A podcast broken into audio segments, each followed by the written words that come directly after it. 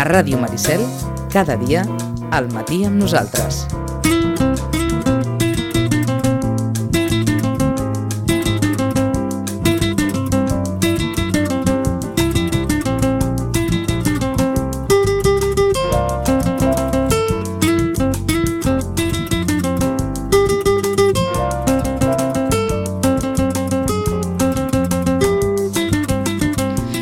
Com es deia aquella novel·la de Ray Bradbury?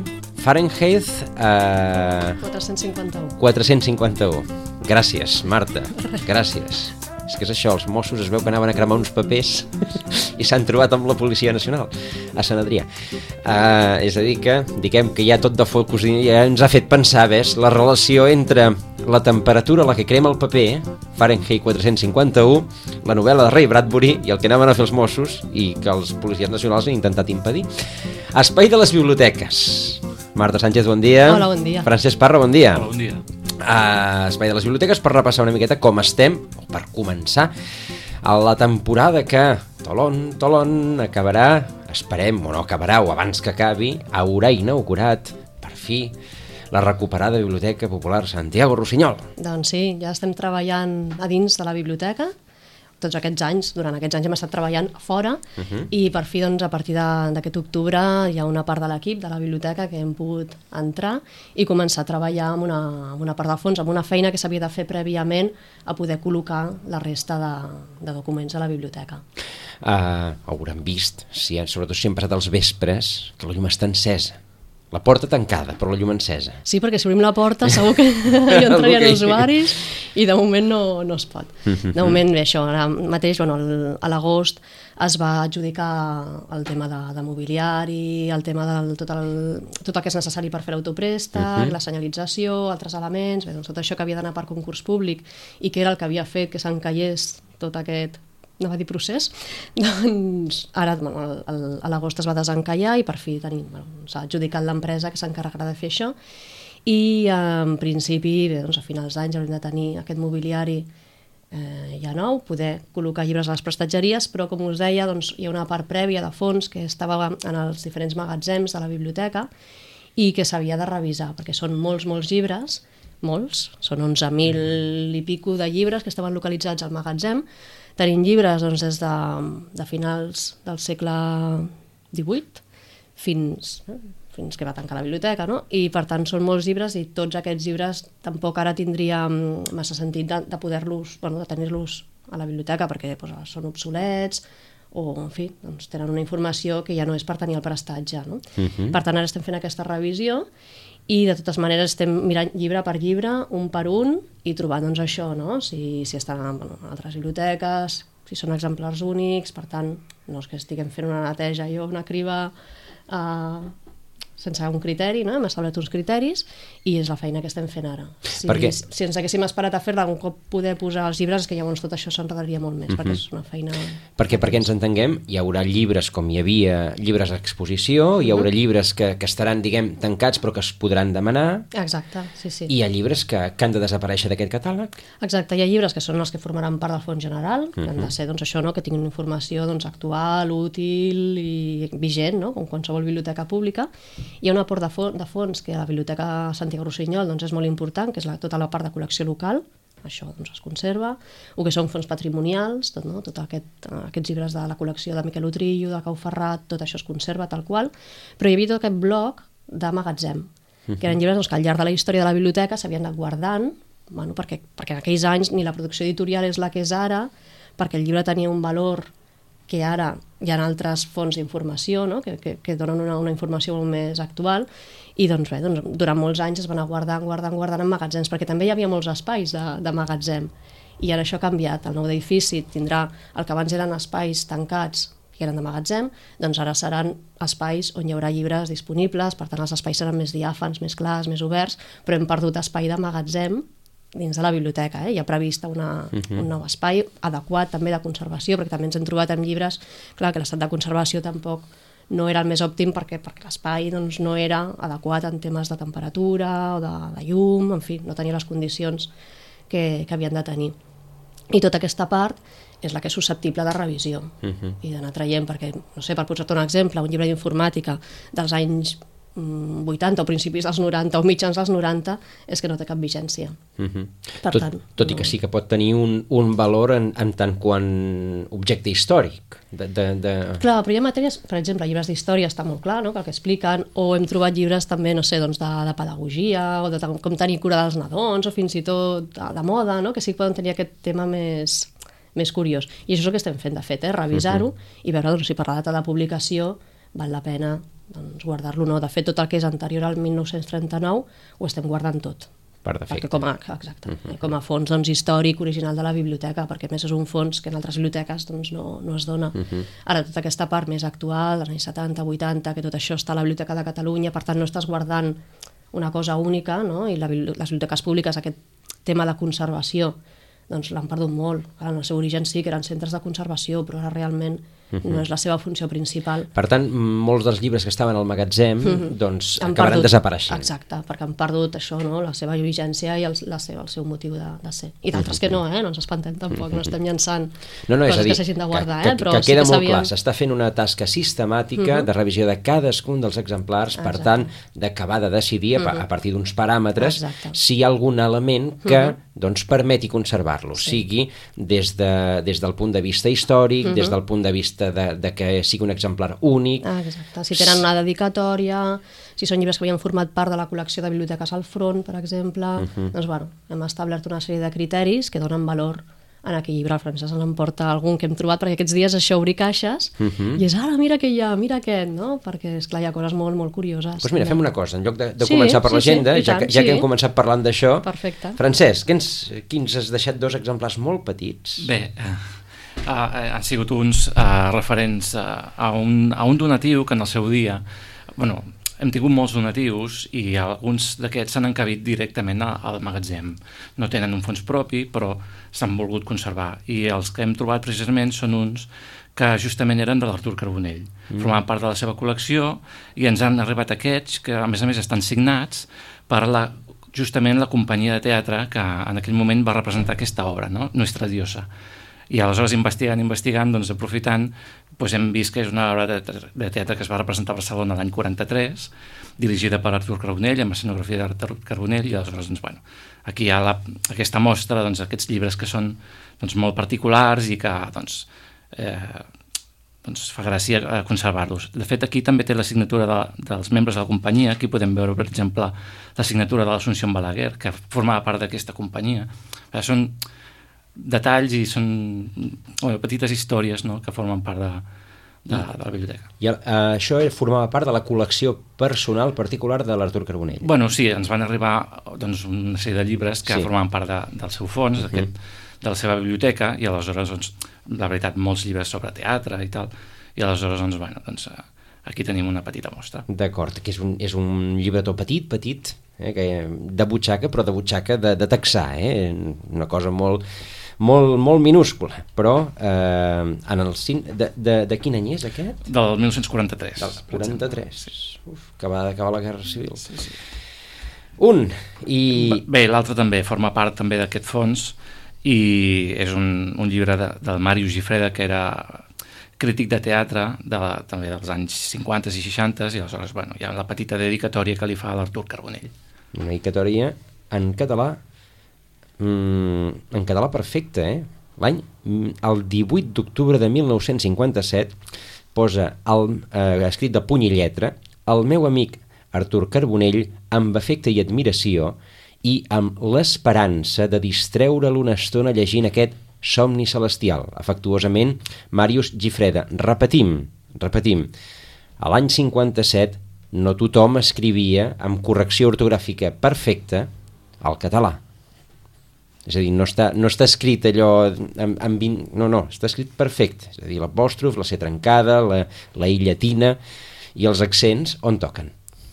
O sigui que, no, és que ens ha cridat molt l'atenció que eh, això perquè estem parlant, repeteixo, de l'any 57, eh? el català no s'havia ni molt menys normalitzat. Doncs sí, sí. Uh, clar, és a dir, el llibre té un valor en tant, en tant que era un llibre de l'Artur Carbonell i a més a més en tant que hi ha una dedicatòria de l'autor i, i, i per tant, doncs, diguem, això encara li incrementa aquest valor. Un, un, de fet, també és un, és un llibret eh, relativament petit, és petit de, de mida i té 50, 60 pàgines, és a dir que En el fons és, és, és poca cosa des del punt de vista de, de, de tatotxo d'obra, però en canvi doncs, té, un, té un valor eh, històric important. Sí, sí.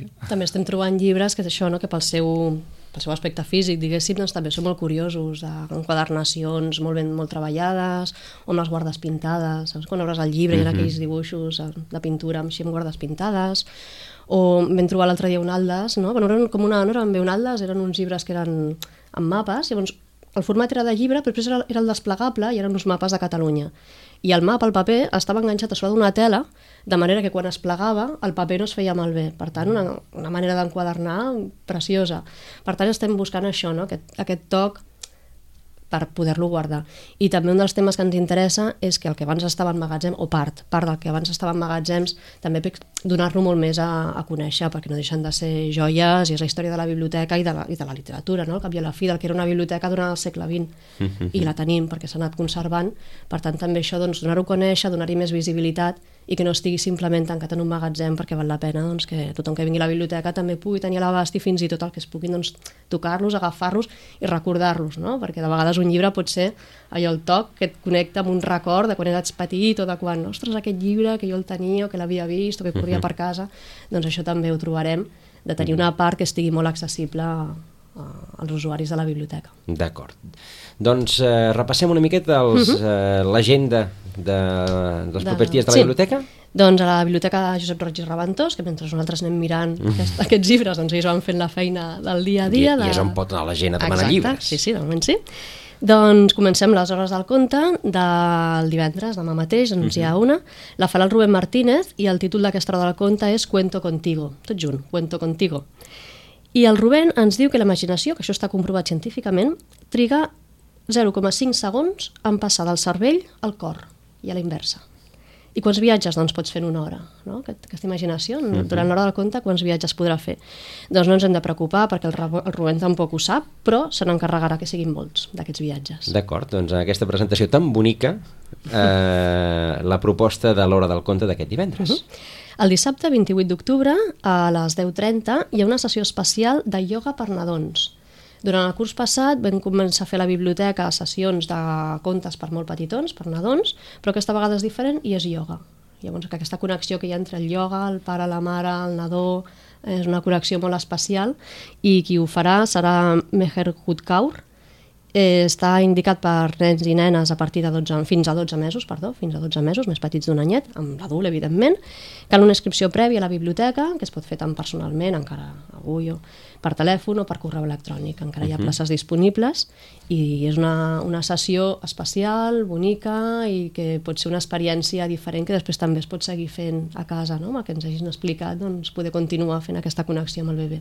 D'acord, doncs ioga per nadons aquest dissabte uh -huh. al matí a la biblioteca. Exacte. El dimarts 30 d'octubre, a les 7 de la tarda, tenim una, una visita molt especial, que és una, una escriptora que ens agrada molt, és la Care Santos. La Care Santos vindrà gràcies a una col·laboració amb l'Institució de les Lletres Catalanes, que aquesta institució doncs, facilita que un escriptor, que en principi la biblioteca doncs, tria, pugui venir a, a, la, a la biblioteca a explicar la seva obra o a fer una sessió especial d'un club de lectura. En el nostre cas, sí que ho enllacem amb el club de lectura, que han llegit prèviament Desig de xocolata d'aquesta autora, i el dia, el dia 31, el dimarts, serà una activitat oberta, no només als membres del club, sinó a tothom que vulgui participar. La Care Santos ha escrit tant per nens com per, jove, ai, perdó, per joves com per adults. De fet, uh -huh. és una, una escriptora que la gent jove, no, els adolescents, doncs, la tenen com una de les escriptores més llegides i de més èxit. Connecta moltíssim amb ells i també per adults.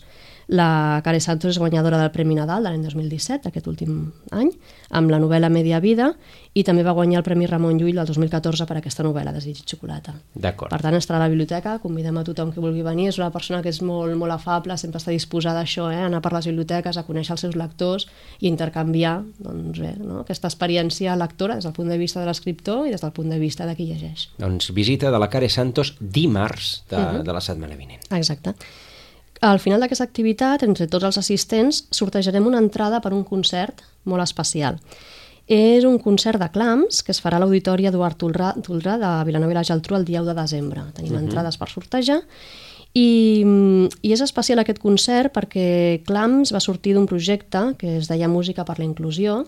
Clams està format per músics de diferents bandes de l'escena musical, sobretot independent, de, de Barcelona, i també per una dotzena d'alumnes de la coral de l'Escola d'Educació Especial Mare de Déu de Montserrat. Treballen molt el tema de la inclusió i com dintre de cadascú no, de la seva discapacitat doncs és una manera de fer-les visibles i de veure el que amb la seva discapacitat són realment capaços de fer. És un concert de música per a tots els públics i doncs, té aquesta part d'inclusió, no? de que, en fi, de que tothom pot fer el que realment el que es proposi dintre de cadascun de la seva discapacitat. Això serà el dimarts també, després de... Això serà un sorteig d'entrades uh -huh. per a aquest concert que serà el dia 1 de desembre. D'acord. Però després d'aquesta xerrada de Care Santos es farà uh -huh. aquest sorteig D'acord. les entrades. I per acabar amb l'agenda tenim una altra hora del conte el dia 3 de novembre a dos quarts de sis de la tarda també amb la Montse Panero i en aquesta ocasió ens explicarà el pirata Octavi. Tots sabem com és un pirata, ens el podem imaginar. Doncs en aquest cas, el pirata Octavi està inspirat en la història d'un nen de 9 anys, és un nen real, eh? és una història real, d'Avinyonet del Penedès, que va néixer amb una aplàsia de tíbia. Això vol dir que els ossos que connecten la tíbia amb el turmell, aquest nen no els té. Amb dos anys i mig li van amputar un peu i ara els seus pares, bé, tota la família, doncs estan vivint un autèntic rosari per trobar una pròtesi que se li adapti i que li vagi bé uh, en aquest nen que té aquesta malaltia. Uh, aquesta història s'ha recollit en aquest conte, el Pirata Octavi, i quan vingui la Montse Panero a explicar-lo a la biblioteca, també qui vulgui venir, qui vulgui col·laborar, doncs tindrà l'oportunitat de comprar aquest conte, són 10 euros, i col·laborar doncs, amb, amb que aquesta història tingui un final molt feliç. Uh -huh. S'ho poden imaginar, això del pel que del pirat, després de la història uh -huh. que ens ha explicat la Marta, però curiós o tendre -huh. aquest, uh, aquest plantejament del pirata Octavi. Exacte. Uh -huh. eh, doncs, bé, doncs ell ho viu amb el seu dia a dia i mentre els seus pares doncs, tenen la preocupació de trobar aquesta pròtesi i per tant tots els ajuts que puguem fer Sí, de fet hi ha un punt solidari en l'hora del conte de la, uh -huh. de la setmana vinent. Exacte. Uh -huh. I aquesta és l'agenda dels propers 15 dies. I aquesta és l'agenda dels, dels propers 15 dies de les, de les biblioteques. Mm. Què més ens heu Què portat? més? Bueno, uh, volia també recordar l'horari de la Biblioteca Roig i Reventós, uh -huh. perquè d'ençà de l'octubre, que tenim part de l'equip treballant a la Biblioteca Santiago Rossinyol, ha volgut ha implicat menys personal a la Roig i Reventós i, per tant, haver de reduir l'horari temporalment. En el moment en què tot l'equip puguem col·locar llibres a la Santiago Rossinyol, aquest horari, evidentment, doncs, serà més, més reduït. Eh? Ho anirem uh -huh. fent així com per etapes, però és necessari, calia fer-ho així. Per tant, ara, els matins de la Biblioteca Josep Roig i Reventós estan oberts els dimarts, dimecres, dijous i dissabtes de 10 a 2 i a les tardes, de dilluns a divendres, de 15 a 30 a 20. D'acord. Hi ha hagut una variació i com que, clar, durant tot aquest temps que la biblioteca ha estat oberta als migdies i bé, s'ha vist que, que sí que dona molt bon resultat, eh? que, que no ha parat de venir gent als migdies, doncs s'ha reduït l'estona de tancament al migdia. Abans tancàvem a dos quarts d'una i obríem a les quatre, doncs ara aquest espai de migdia és més reduït, perquè hem vist que sí que, que és una cosa que els, els usuaris han agraït uh -huh. i que els resulta còmode. És a dir, hi ha un tancament, però aquest tancament uh -huh. és de menys durada Exacte. perquè doncs, uh -huh. la gent que, Sí. que, li, que li interessa uh -huh. doncs, pugui, ho pugui aprofitar. Sí. I com a recomanacions, a part de les que ha portat el... Bueno, són recomanacions, però eren curiositats, hem portat també dues de la Caro Santos, ja que la tindrem el dimarts, doncs la volíem donar a conèixer. Una de les novel·les que he portat és El desig de xocolata, que és el llibre que han llegit al Club de Lectura i en el que la, la Karen ens comentarà potser més a detall arrel de les preguntes que els hi puguin fer els membres del club. Va rebre el Premi Ramon Llull el 2014 uh -huh. i Desig de xocolata és la història de tres dones que estan unides en diferents etapes, en diferent temps, però per la seva passió per la xocolata. Per tant, aquí és una novel·la en aquest aspecte molt dolça. És un recorregut per la història d'aquest plaer exquisit, des de que va arribar a Europa fins a als nostres dies en què la xocolata doncs, és una cosa quotidiana i tan sofisticada com es vulgui. I a partir doncs, de la història d'aquestes tres dones, en diferents èpoques, farem aquest recorregut de les vides de les dones paral·lelament a la història de la xocolata. D'acord, interessant proposta uh, de l'obra de la De la doncs de l'autora que Mhm. vindrà dimarts de la setmana que Exacte. I l'últim, com dèiem, la, la Care Santos és una escriptora que té molta producció de novel·la juvenil i n'he Sí. seleccionat un. El títol és Bel, amor més enllà de la mort. Amb la novel·la juvenil ens passa que potser si ho recomanem als adults doncs costa més d'enganxar, però la que entres a internet i hi ha booktubers, no? o sigui, mm, gent que, que fa recomanacions a través de YouTube, que té canals de YouTube per fer recomanacions de llibres, o d'altres webs que són, bueno, que, són joves que recomanen, doncs aquest llibre té molt bones crítiques, perquè és d'aquests que sobretot que atrapen des de la primera pàgina, que té molts ingredients diferents, té des d'una part més de de por, no? si es vol dir així, d'intriga, amb un toc d'humor, també es té una part romàntica fantàstica, per tant és una barreja d'ingredients que ha connectat molt molt bé amb aquest públic i encara que no és una novetat, sí que se segueix prestant i et dic que en les recomanacions que fan els mateixos joves aquest llibre està molt ben valorat. Uh -huh. La protagonista és la Bel, una noia que té un accident i es mor. Llavors queda com entre dos mons, eh? podríem dir que és una mena d'esperit, de fantasma, d'ésser... Eh, el seu noi, el seu xicot, sí que se salva però es queda en coma i la Bel té com en aquest estat semi... més està morta però encara té aquesta consciència, doncs té la missió de descobrir realment què va passar en aquest accident sent com la crida no? de, del seu noi, i una música que li vaya pel cap, una cançó que li vaya pel cap i que es diu I'll be okay, estaré bé, doncs té tots aquests ingredients que abans comentàvem i a més a més al final del llibre tomem uns CDs on hi ha música que acompanya tota aquesta història. Caram, és a dir, que ja, has, ja, ja has preparat tot. La uh -huh. història no sembla pas una història juvenil, es pot... Eh... Sí, bueno, és d'aquests llibres que realment uh -huh. els llegim als adults i per passar una estona, doncs també, eh, de seguida enganxa des de la primera pàgina uh -huh. i és una escriptora de, de prou pes que se'n barreja molt bé, eh? aquesta part per joves com per la part d'adults, que al final tot queda barrejat i el que està ben escrit està ben escrit per tothom. I a més, déu nhi és a dir, no és un llibret mm, petit, no, tampoc. No, no, o sigui no. Que... Però bé, de vegades el gruix que el mirem té 445 pàgines, per això, per això. però quan la història t'enganxa, No, no, realment vas- el que voldries és que fos ràpid. encara més Sí, llarga, sí, sí. eh? perquè et fa cosa de que s'acabi. En canvi, de vegades amb llibres més curtets, com que tot ha de ser més ràpid, no t'acaba de potser de... o és més difícil a vegades trobar aquest, aquest enganxament tan ràpid. D'acord. Per tant, dues propostes de la Care Santos, uh -huh. eh, que serà la, doncs això, la, la protagonista de, del, de la sessió de, de dimarts de la setmana que ve. Exacte. Uh -huh. I més o menys hem, hem repassat uh -huh. aquesta, en aquest primer espai de, la, de, de les biblioteques d'aquesta setmana, doncs això, l'agenda dels propers dies, la, les hores del compte, eh, doncs la- l'espai de, aquest de la, de, la, de, de la presència de l'autora la, la setmana vinent i sobretot això, la bona notícia, s'estan ja repassant els fons de les, eh, de les biblioteques. Francesc, mm, anava a dir, per un, per un bibliotecari deu ser... És, és un carmelet, no? Anar, anar ara, remenant. ara, ara mateix és molt interessant. Eh? sí, sí, tant. Però clar, també és la cosa de que els, els usuaris mm, no paren de preguntar, no? no paren de preguntar, aviam, quan obrirem, i clar, tampoc no, no, no, no, no, sabem ben bé, bé què dir, però bueno, ja, ja està la cosa ja en marxa, per tant ja, ja ho tenim encarrilat, això. Mm -hmm. uh, però em, em referia més en el sentit aquest de dir, de dir ostres, començar, començar a remenar llibres i sobretot Sí. llibres d'aquests que tenen un punt històric que ostres, ostres, mira això Sí, sí, tant, perquè clar, ens trobem, clar, ens trobem de tot. Això és una feina que en el dia a dia és molt més complexa de fer, és a dir, si no es va específicament a buscar una cosa, els llibres estan allà i ja estan catalogats. Exacte, clar, i a més a més, clar, jo recordo llibres que, que, que tenim i tal, però clar, de, de cop i volta a, tor tornar a tocar aquests llibres de magatzem és com, bueno, ens, sor ens sorprèn cada, cada, cada, cada, cada minut, no? Mm -hmm. Sí que... Tenim, tenim una forquilla ja més, més establerta de quan es podrà obrir? Jo podria dir que serà el primer... Pot ser. El, a veure, el que no hi ha és una data No, oficial i concreta. per això hem dit una forquilla. Exacte, una forquilla. Primer trimestre del 2018. D'acord. Uh -huh. I ja et dic, eh, en el calendari que teníem, doncs el, el desembre hauria d'estar tot el tema de mobiliari, desembre-gener, eh, perquè també Ens hi ha tirem a la festes piscina, Nadal. per Sant Jordi ho estarà? Sí. Bien.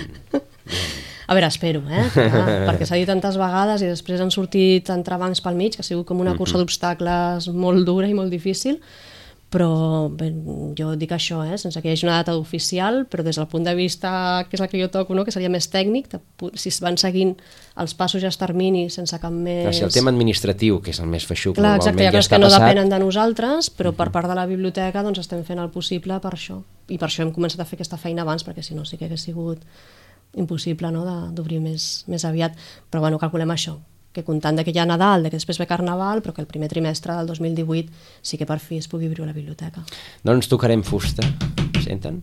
Doncs això. Uh, gràcies, Marta, gràcies. Francesc. Us esperem de nou d'aquí a 15 dies amb més agenda de la biblioteca.